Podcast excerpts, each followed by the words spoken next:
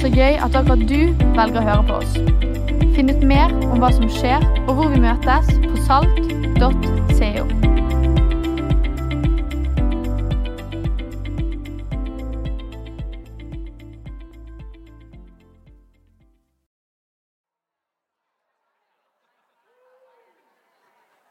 Hei, hei. Kjekt å se så mange flotte folk. Jeg står bak her og så observerer jeg med ørene mine at det er masse prat når den infovideoen går. Så jeg lurer på, hvem fikk med seg at vi reklamerte for en konsert som var tidligere denne uka? Ja, noen få, noen få. Veldig bra. Eh, Jeg vil bare poengtere ut fra den videoen at eh, nå har vi jo hatt leir forrige helg, og vi har hatt leir denne helga. Og så vil jeg bare poengtere at vi har en til leir igjen, folkens. Og da er siste helga i april. Går inn i 1. mai for 25 pluss-gjengen. Eh, Og da blir det helt rått. Gøy. Vi har kommet inn i april, folkens. Er det en god følelse? Er det en dårlig følelse at det snødde i dag tidlig, eller? Ja, det går fint. Det går fint. Vi tåler det med vestlendinger. Enten by choice eller by upbringing. Men er det noen som ble lurt 1. april? Ja, noen som ble lurt. Jeg, jeg har et sånn eh, stolt øyeblikk av å ikke bli lurt, eh, men det er alltid litt farlig. For da finner du plutselig ut at sånn, oi, da, da har det visst blitt likevel. Så min, min nevø på åtte år fant ut, han kom hjem fra skolen, sa han stolt til sin mor, mamma, jeg ble ikke lurt en eneste gang i dag. Og så kom det frem da, at jeg hadde hatt eh, besøk av en mann fra kommunen på skolen, som tilfeldigvis var gift med læreren deres. Eh, som hadde sagt at de skulle gjøre en supersonisk lydtest i klasserommet. Så det betydde at alle måtte gå baklengs hele dagen. Så han hadde gått baklengs hele dagen. Og når, når min søster sa til han sånn Jeg tror kanskje at da var en aprilsnarr. Så sa han Ja, men mamma, jeg gikk jo baklengs hele veien hjem fra skolen òg. Så sånn kan det gå. Men vi er i april. Vi nærmer oss innspurten av denne prekenserien 'Pilegrim i velferdsstaten'. Jeg håper at du har fått eh, noen nye tanker, noen gode tanker. Noen ideer om hva det vil si å være en etterfølger av Jesus i vårt land. Vårt land som kanskje av og til kan gi oss en litt sånn uriktig opplevelse av at vi ikke trenger Jesus. Eh, De siste ukene har vi fått høre om noen veldig konkrete, veldig gode holdninger til troslivet. Daniel Mathisen starta, prekte om tillit, hvordan det helt praktisk ser ut å ha tillit til Gud. Øystein Gjerme har vært innom lydighet og vært innom ydmykhet.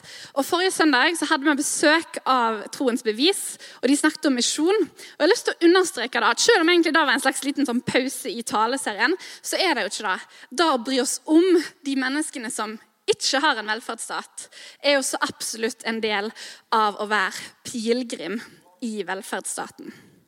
I dag skal vi snakke om frimodighet som en verdi og som en holdning på vandringen gjennom livet. Og jeg vet ikke med deg, men jeg elsker frimodige mennesker. Det er noe så befriende med å være i nærheten av folk som er mer opptatt av det budskapet de har å bringe, enn de er bekymra for hva konsekvensene av det budskapet er. Og jeg har, eh, jeg har kategorisert eh, frimodige mennesker i fem kategorier. Det finnes sikkert noen utenom disse òg, men jeg, mistenker at de fleste frimodige mennesker er enten barn, berusa, politikere, sportsidioter eller kristne. Det er min teori. Og i, to, i hvert fall de to første kategoriene så er det ikke alltid at engang budskapet er så himla viktig. De bare bryr seg ikke om konsekvensene av det. Som min kusine gjorde. Hun var kanskje fire-fem år. Hun hadde jeg vet ikke hvor, for det høres ut som jeg er veldig gamle når jeg sier dette, men hun hadde hørt sangen av Sputnik som heter 'Nå skal vi skilles, Johanne'. Er det noen som vet hvordan den er? Ja, det er bra. Det er ikke bare, det ikke bare Ja, det var ikke så mange da. Men greit. men greit. Og så møtte hun min bestefar, som heter Johannes, som hun da ikke var i slekt med. Og så sa hun sånn Heter du Johannes? Jeg kan en sang om Johannes. Vil du høre? Nå skal vi grille Johannes, grille Johannes. Så jeg elsker frimodige mennesker. Det, det har en fin vibe. Og ikke helt tenke over konsekvensene av det du gjør. Men i dag så skal du og jeg sammen få bli kjent med to frimodige mennesker i Bibelen. Og Jeg har lyst til at du blir med meg litt inn i deres historie. Han første han heter Paulus. Og han kjenner du kanskje litt til. Når vi leser Bibelen, så kan Paulus framstå litt som en sånn klassisk actionhelt. Han går inn i en by, og så sier han sånn Hei, hei, Paulus heter jeg. Kan jeg få fortelle deg om Jesus? Og så bam, blir halve, kristen, byen kristen.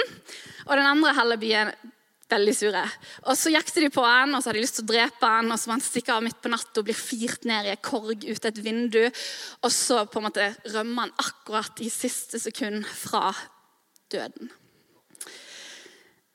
Men jeg mistenker at det vi leser i Bibelen, det beskriver ikke 100 hvordan hverdagslivet til Paulus var. For jeg tror det skjedde veldig masse mellom disse øyeblikkene som vi leser om. Det skjedde veldig masse at Paulus vandra. Han hadde ikke bil, han gikk til fots, han brukte masse tid på det. Han var om bord på båter som nesten sank sånn mange ganger. Det skjedde veldig masse som bare vi ikke ser når vi leser i Bibelen.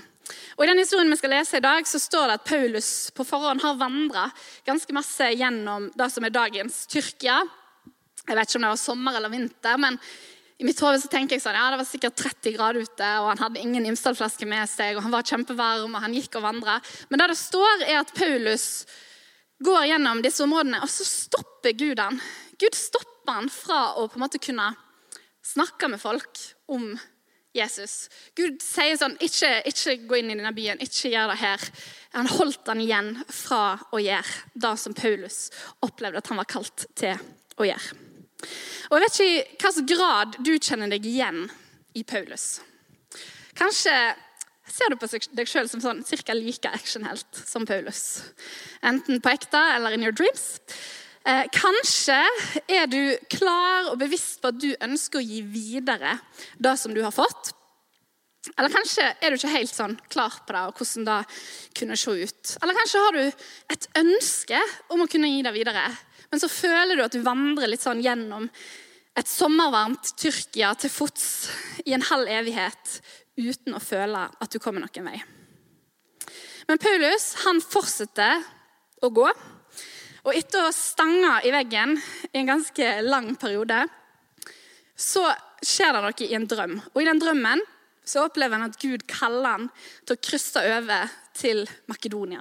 Og Den historien vi skal, vi skal, gå inn i nå, er første gang det er beskrevet at evangeliet blir forkynt i Europa. Og Dagens historie den starter her, med Apostlenes gjerninger, kapittel 16. Vi stakk til sjøs i Troas med kurs for Samotrake og kom dagen etter til Neapolis. Derfra bar det videre til Filippi, en by som ligger i det første distriktet i Makedonia og er romersk koloni. Og i den byen ble vi i noen dager. Før jeg fortsetter med denne historien, så har jeg lyst til å introdusere kveldens andre hovedperson. For hun heter Lydia. Og Lydia var en ganske kul dame. Sannsynligvis var hun enten singel eller enke. Og uansett så var hun ja, ganske badass. Hun var ei businessdame. Hun drev med eh, salg. Hun var faktisk en stoffselger. Eh, men i den bokstavelige betydningen av ordet. Hun solgte kvalitetsstoff. Og Lydia hun klarte seg godt og var sannsynligvis egentlig ganske rik. Og På mange måter så er Lydia kanskje litt som din nabo eller din kollega eller en slektning av deg i vår velferdsstat i dag. Fordi På samme måte som Lydia hadde tilgang på ressurser fordi at hun hadde tilgang på ressurser, eh, fordi at hun eh, ja, kunne tjene godt og ha det godt økonomisk og hadde det hun trengte, så har jo de fleste rundt oss det samme. Enten ved at de tjener godt, eller ved bare de tingene som denne velferdsstaten har gitt oss. Lånekassen, Nav, gratis eh, sykehus, eller bare helt nylig ting som ja, strømstøtte, som mange av oss har nytt godt av de siste månedene. Historien den fortsetter ved at vi ser Paulus in action. På sabbatsdagen gikk vi utenfor byporten til en elv hvor vi mente det var et bønnested. Der satte vi oss ned og talte til kvinnene som var samlet. Blant tilhørende var det en kvinne fra Tyatira som het Lydia. Hun handlet med purpurtøy, kvalitetsstoff, og hørte til dem som dyrket Gud. Jeg vet ikke hvordan samtaler om tro som regel oppstår i ditt liv. Jeg skal ikke nevne navn, men en venn av meg han har en tendens til å møte folk og snakke med dem om Jesus i badstue på treningssenter. For min del så skjer det kanskje oftere hvis jeg er på eh, en fest med folk som ikke tror så masse. Eh, det er jo litt fascinerende hvor åpne folk kan være for å snakke om ting som de ikke er åpne om, når de har lagt litt fra seg hemningene sine. Men kanskje er samtaler om tro oftest noe som, som oppstår litt sånn når du ikke helt forventer det. Litt sånn kom i fanget på deg, og du var sånn Oi, jeg trodde ikke jeg skulle ha en sånn samtale som dette i dag. Men det skjer ikke så veldig ofte, og derfor var ikke det en sånn tilstrekkelig praksis for Paulus og hans gjeng når de går inn i Filippi.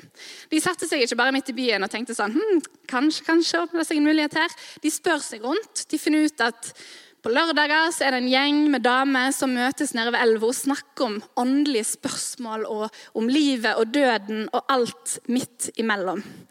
Så Paulus og de andre de tenker dette er spennende, her går vi. Vi finner ut av om dette er en bra arena å snakke med folk om Jesus. Og jeg tenker Det er et, det er et bra spørsmål å stille oss sjøl. Hvor, hvor oppstår sånne samtaler i vår tid? Hvor oppstår sånne samtaler i våre vennekretser eller i våre nabolag? Hvordan ville det sett ut for deg å oppsøke en sånn plass? Hadde det vært mulig? Paulus han viser oss hvordan det kan se ut å dele frimodig om Jesus.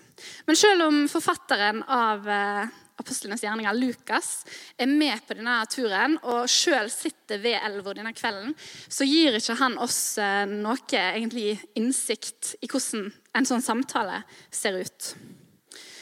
Eh, men 19 andre plasser i apostlenes gjerninger så kan vi lese sånne samtaler. Når Peter, eller Philip, Stefanus eller Paulus sjøl snakker med mennesker om Jesus. Og hva sier de da? Det jeg kan si er at det er ikke sånn at De har et felles manus. De har ikke satt seg ned før de skulle ut og reise og tenkt sånn, nå skal vi skrive en alfakurs sammen og så skal vi presentere det helt likt for alle. Nei, de, de, er forskjellige folk, og så snakker de til forskjellige folk. Folk med forskjellige både kulturelle og religiøse bakgrunner. Men det er i hvert fall tre innfallsvinkler som de bruker når de snakker om tro. De forteller, de forklarer, og de forkynner. Og La meg utdype de litt for deg i dag. Først så forteller de. Og hvis du, er, hvis du som er her i rommet i dag, eller du som hører på podkast, hvis du er en kristen, hvorfor er du da? Hvis du nå begynner å tenke sånn Nei, jeg er jo oppvokst i en familie hvor vi trodde Eller når jeg var 15 år, så skjedde dette. Eller for tre år siden så skjedde dette. Legg merke til, Jeg stilte ikke spørsmålet 'Hvorfor ble du en kristen?' Jeg stilte deg spørsmålet hvorfor er du en kristen? Hva er grunnen til at du er her i dag?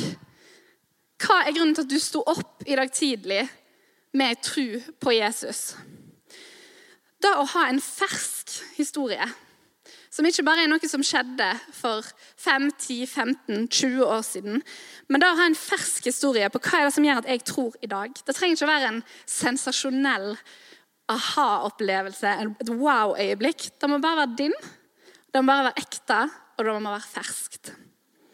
Det er noe mennesket lar seg berøre av. Så de forteller om Jesus, og så forklarer de Jesus. 1. Peter 3,15 så står det Vær alltid klare til forsvar når noen krever dere til regnskap for det håp dere eier. Det finnes ganske mange ulike ja, la oss kalle de for snublesteiner for evangeliet. Ting som gjør at folk tenker jeg er ikke så veldig interessert i å høre så masse om han der Jesus. Jeg. Det fins ganske masse sånne ting i vår tid. Og Da kan jo et spørsmål stille oss sjøl være er det folk sin feil, eller er det vår mulighet til å gjøre noe med det? Døperen Johannes han var slektningen til Jesus, i motsetning til min slektning. Så jeg er ganske sikker på at han aldri foreslo grilla Johannes. Eh, men døperen Johannes han tenkte om seg sjøl som en som var en veirder. Han sa, 'Jeg er en røst som roper i ødemarken, gjør Herrens vei rett'. Jeg vet ikke hva den utfordringen den personen du møter, har. Ofte kan den kanskje være enten naturvitenskapelig eller etisk, eller basert på egne erfaringer eller basert på historie. Og vil si, Ingen kan svare på alt, men alle kan svare på noe. Hva med å tenke gjennom enten på egen hånd, eller hva med å snakke litt sammen i smågrupper di, eller med kristne venner om hva en kan svare på noen av de litt vanskelige spørsmålene.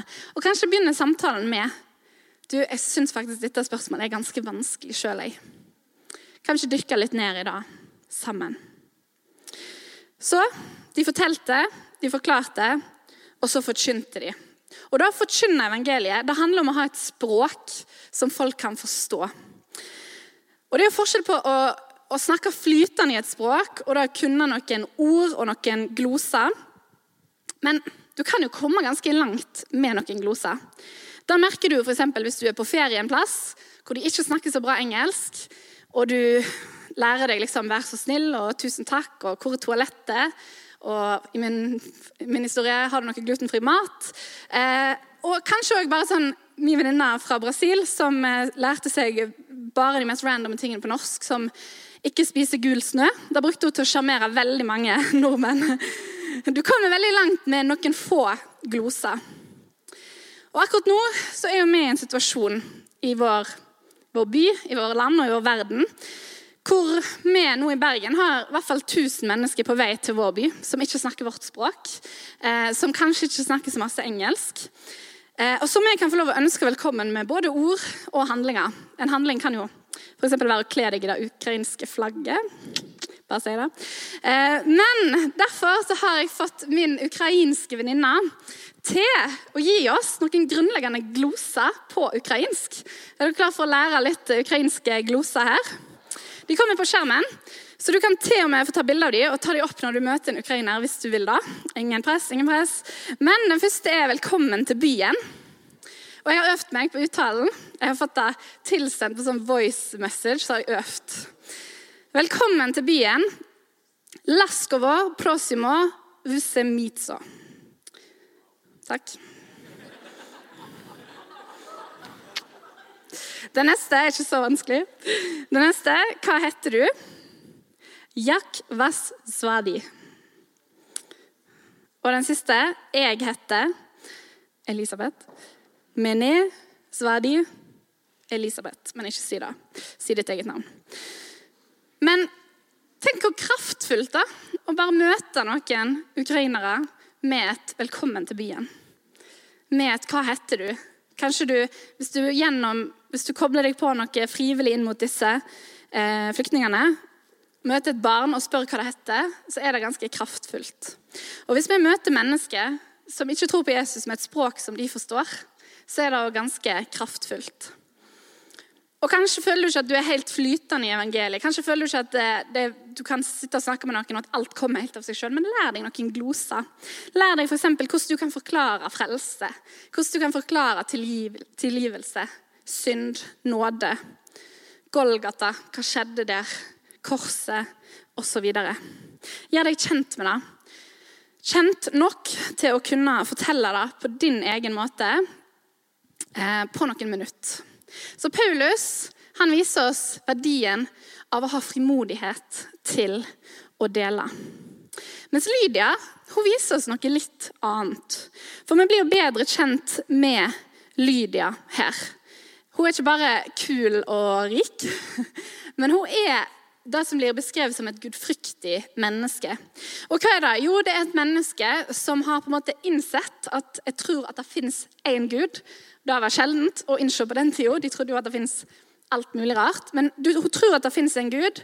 Hun tror kanskje at det kan være noe med dette med den jødiske guden. Men så er det så masse stæsj rundt, og det er så masse lover og regler og ting hun ikke forstår, som gjør at hun på en måte holder seg litt på avstand, men er åpen og søkende.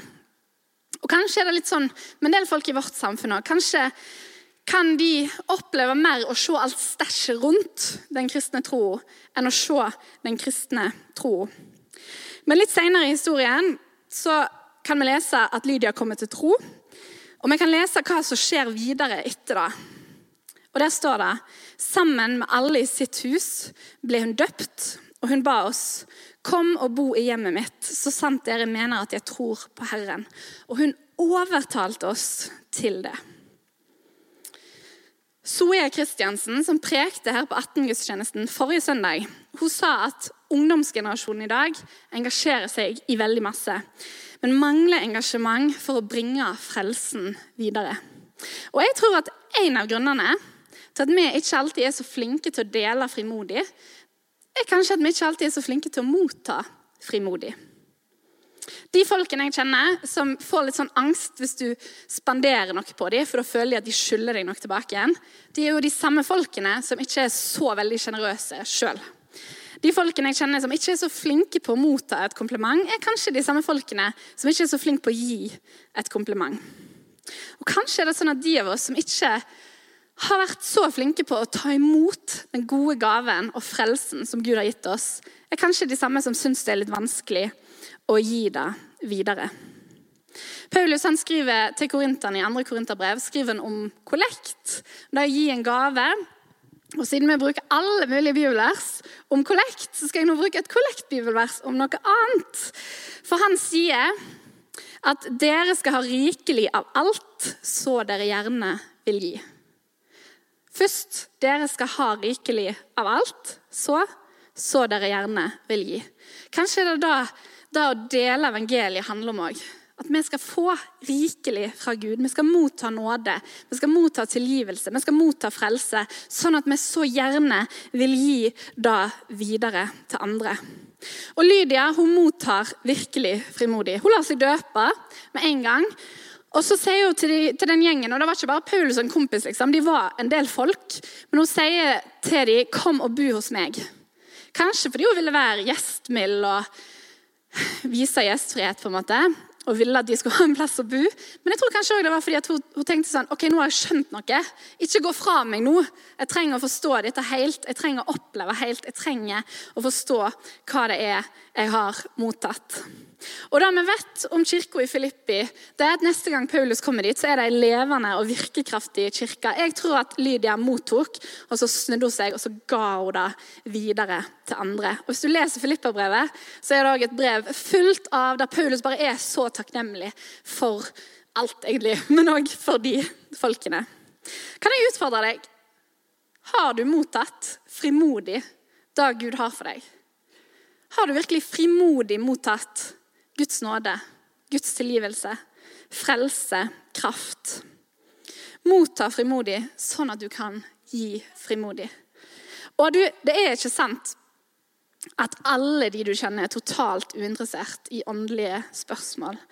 Eller at alle er skeptisk til at det fins en Gud. Velg å åpne deg opp for tanken om at det fins en Lydia i din omgangskrets. Hvis du er observant her i rommet, så har du kanskje lurt på hva den tredje stolen står her for. For det er nemlig en person til i denne handlingen som vi nå skal få se rollen til. Og den skjer mellom at Paulus preker og at Lydia mottar. Det står i Apostlenes gjerninger 16, vers 14b, at Herren åpnet hennes hjerte, så hun tok til seg det Paulus sa. Det er ikke Paulus som overbeviser Lydia om Jesus. Det er ikke hans eh, retoriske skills, det er ikke keyboardisten her bak som spiller fint i bakgrunnen. Det er ikke stemningen eller atmosfæren, det er ikke øyeblikket. Det er ikke liksom den elva sildrer nedover rolig. Jeg vet ikke om han er rolig eller om han bråkete, men det er ikke den.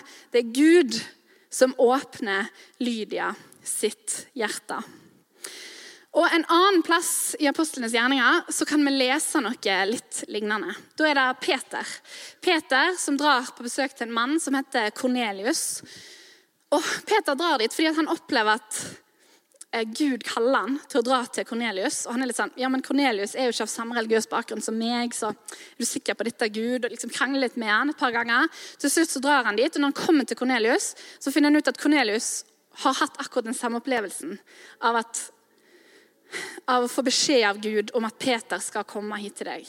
Og så sier Peter når han kommer, så sier han nå forstår jeg virkelig at Gud ikke gjør forskjell på folk. Men jeg tror ikke egentlig at Peter helt forsto det ennå. For Peter er den typiske liksom, personen som har vokst opp i, på bedehuset og tenkt at eh, her på bedehuset er det egentlig det er bare vi som går her til vanlig, som går her. Eh, det er ikke så mange andre som blir kommet til. Det er liksom de familiene som allerede er en del av det.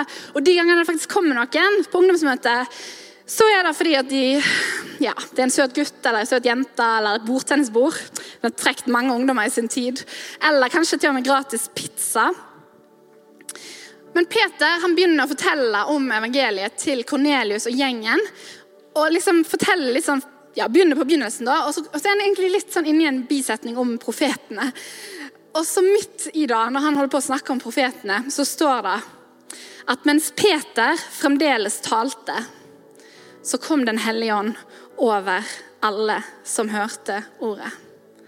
Mens han fremdeles talte, så kom Den hellige ånd. Herren åpnet hennes hjerte, så hun tok til seg det Paulus sa.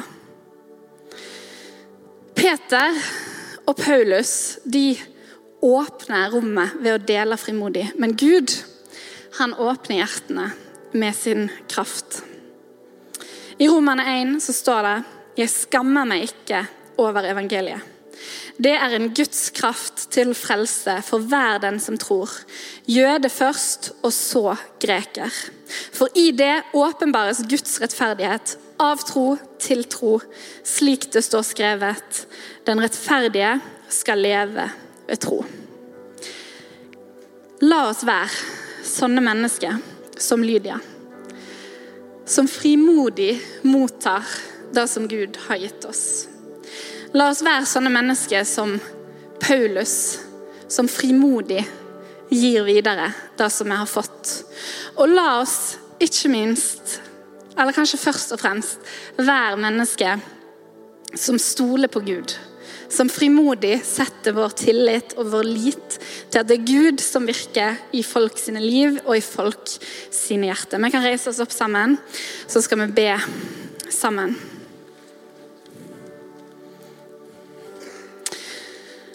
Herre Jesus, vi takker deg. Vi takker deg for, for alle de gavene som vi har fått av deg. Vi takker deg for det livet som du gir til ditt folk. Vi takker deg for at vi kan få frimodig komme frem for deg og ta imot det som du gir oss. At vi frimodig kan få lov til å være mennesker som søker deg, som lengter til deg, og som finner deg. At vi frimodig kan si 'Her er jeg, Gud'. Og at du tar oss akkurat sånn som vi er. Og så takker vi deg for at uh, du ikke bare har kalt oss til å leve et godt liv sammen med deg, men at du har kalt oss og utfordret oss til å kunne dele dette videre til andre mennesker. Og vi takker deg for det. Det er et privilegium at vi får lov til det. Vi takker deg for at uh, du velger å bruke oss. Du velger å være med oss på våre studiesteder, på våre arbeidsplasser, i våre nabolag, i våre kollektiv. I alt det vi driver med, så er du med oss, så går du foran oss, så er du til stede. Og Vi takker deg for det, Jesus. Takk for at frimodighet ikke handler om noe vi skal gjøre, eller noe vi skal prestere på, men at frimodighet handler om noe vi får gjøre i din kraft. Takk, Jesus. Takk for at du er med oss.